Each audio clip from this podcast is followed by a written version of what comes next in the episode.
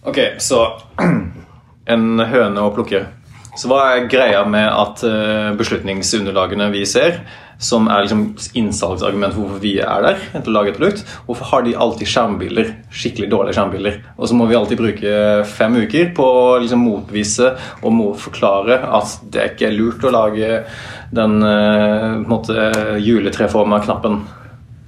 Hva er greia? Hvorfor har de PowerPoint-slidende skjermbilder? Ja, Det er et godt eh, spørsmål. Um, jeg tror nok det har mye med at eh, ledelse i, på mange måter, eller ledergrupper, operasjon, er egentlig ganske tradisjonelle eh, og henger litt eh, igjen på måten man tenker på. Um, for det første eh, så vil man kanskje ha noe konkret å se på. Man må vite eh, hva man får, hva det man faktisk beslutter. Eh, For det andre så ønsker man å se svarte tall og se at det her faktisk vil være lønnsomt. At det faktisk gir forretningsmessig mening eh, å lage dette produktet. Og så sier du ja, ok, men hvorfor må vi bruke hvorfor, hvorfor mm, må vi bruke fem uker på å overbevise eh, ledelsen om at dette her er ikke det som vi nødvendigvis Mm. ender opp med? Og det er et veldig godt spørsmål. Jeg som forretningsutvikler ville sagt da at da har ikke vi gjort det jobben vår godt nok, kanskje. Kanskje ikke har solgt inn eh, det riktige si, Gjort innsalget på riktig måte, kanskje. Ja. Men mye handler nok om at vi må finne eh, en slags sånn middelvei mellom den tradisjonelle ledelsen måten de tenker på. altså De tenker på business case. eh, De tenker på at vi vil vite hva vi beslutter og hva vi kommer til å ende opp med. Hva er det konkret vi får igjen for, for alle disse pengene vi kommer til å kaste på, på det prosjektet. Mot det, altså det vi har snakka om tidligere, om autonomitet. altså hvordan faktisk utvikling og produktutvikling foregår i dag.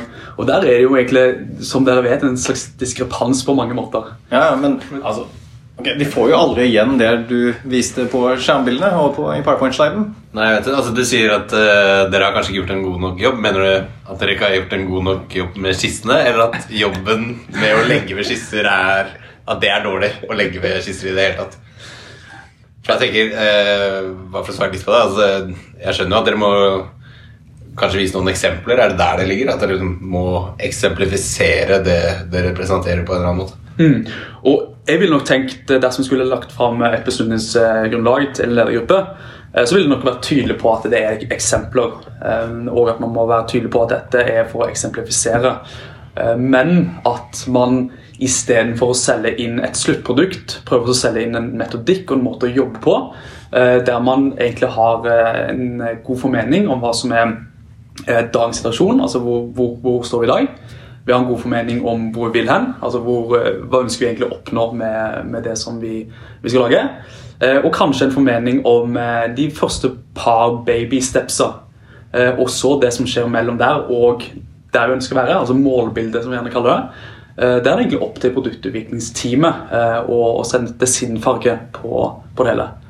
Hva, hva legger du i et eh, målbilde? Er det liksom målbilde for en produktportefølje? Eller er det målbilde for eh, hvilke tall man skal oppnå, eller hvilke gevinst man skal oppnå? Eller hva, hva legger du i det? Uh, it depends, som de aller smarteste av oss sier.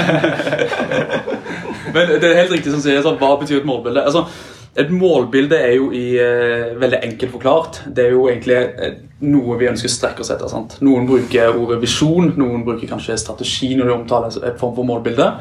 Eh, og det kan være så smått som et eh, konkret produkt, eller det kan være så stort som at eh, vi skal ta eh, og erobre dette markedet i Nord-Europa, f.eks. Så det, det, det er helt eh, avhengig av egentlig hva vi kommer inn med som forutsetninger når man skal legge fram et beslutningsgrunnlag eh, for en ledergruppe. Um, Men altså, faktum er at selv om du klarer å formidle til ledergruppen at vi skal rigge et team for å få noen folk fra A til B og vise dem en bil, så sitter de og forventer at vi skal lage en bil. mm. Hvordan, altså, har du noen ideer om hvordan vi kan kommunisere det på en annen måte? Uten å vise liksom bil eh, Uten å vise dem bilen? Ja, nå, nå rører du ganske greit eh, ned i grøten.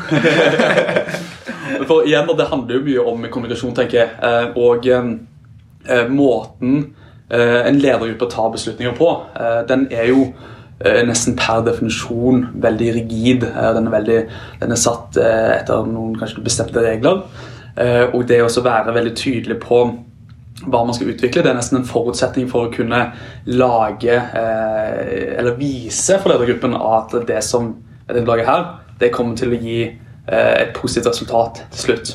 Men hvordan vet du det?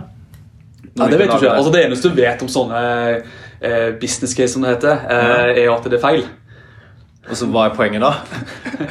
Poenget er at man, eh, man som ledergruppe sitter og ønsker å vite hva, hva kan jeg forvente. Men det, du skal ikke selge inn tallet som står, eh, står med, med, med sort skrift. Du skal selge inn eh, logikken bak og tanken bak. Hvorfor, det, hvorfor tror vi at vi kan, eh, vi kan adressere eksempel dette markedet? Hvorfor tror vi at vi kan eh, ta 20% Hvorfor tenker vi at dette er et marked som kommer til å vokse i framtida? Det er forutsetningene vi selger inn, ikke nødvendigvis det tallet som man ender opp med å ta beslutning på. Men hvis man da målet er å selge inn logikken bak og resonnementet om hvorfor man tror man kan bevege seg innenfor et marked, hvorfor trenger man da noe konkret å vise til det? Hvorfor trenger man da vise til her er et eksempel på et produkt vi bør lage? Du må tenke det selv da. Eh, Du ønsker jo å, hvis du skal kjøpe et produkt på nettet, mm. og du ikke har et bilde av det, Mm. Så er det jo vanskelig for deg å ta en vurdering på om dette her er liksom noenlunde sånn ballpark innenfor det du ønsker deg. Selv om du ikke har sett det i levende livet. Ja, men la oss si at eh, jeg går inn til en restaurant. da. Mm. Jeg ønsker ikke å se bilder av maten på menyen. Jeg ville bare vite hvilke ingredienser som er, og hvordan de beskriver retten. Og det tenker jeg det er en god parallell, for det er jo, vi forsøker jo å beskrive ingrediensene, framgangsmåten og opplevelsen. Ikke nødvendigvis eh, gi et bilde. Ikke sant? Ja, men jeg tenker at. Ingrediensene er jo ganske konkrete. Altså, Du kan jo si noe om uh, um, hvilken prisklasse man skal ligge i på den restauranten, hvilken opplevelse, hvilken uh, atmosfære det skal være. Om det skal være kortreist, om det skal være nordisk, om det skal være asiatisk. ikke sant? Du kan liksom sette de føringene i hvilken retning man skal gå. Trenger ikke å si noe om ingrediensene engang. Trenger ikke å si noe om produktene. Og ingrediensene kommer til å forandre seg hele tiden hvis det er en veldig bra restaurant. Nettopp. Det er liksom lokalproduserte greier hvor det er ja. farm table. Liksom. Er er det en ny måte å tenke på? Jeg liksom tenker mer på liksom karakterene og liksom egenskapene av bestillinger i stedet for å tenke på innholdet i bestillinger. Mm. Jeg tror du har et veldig godt poeng der. At eh, det handler jo litt om å, å la oss ikke si oppdra, men kanskje være bevisst eh, sin rolle, og at vi må forsøke å finne en, eh, en slags mellomting mellom det å eh, levere på de kravene som en ledergruppe eh, føler de trenger eh, for å ta en beslutning, og det å være eh, orientert eller realistisk orientert med tanke på hvordan dette produktet faktisk er nødt til å utvikles, og hvordan det vil leve sitt eget liv etter man har tatt beslutningen. Ja. Høres ut som en uh, veldig god idé.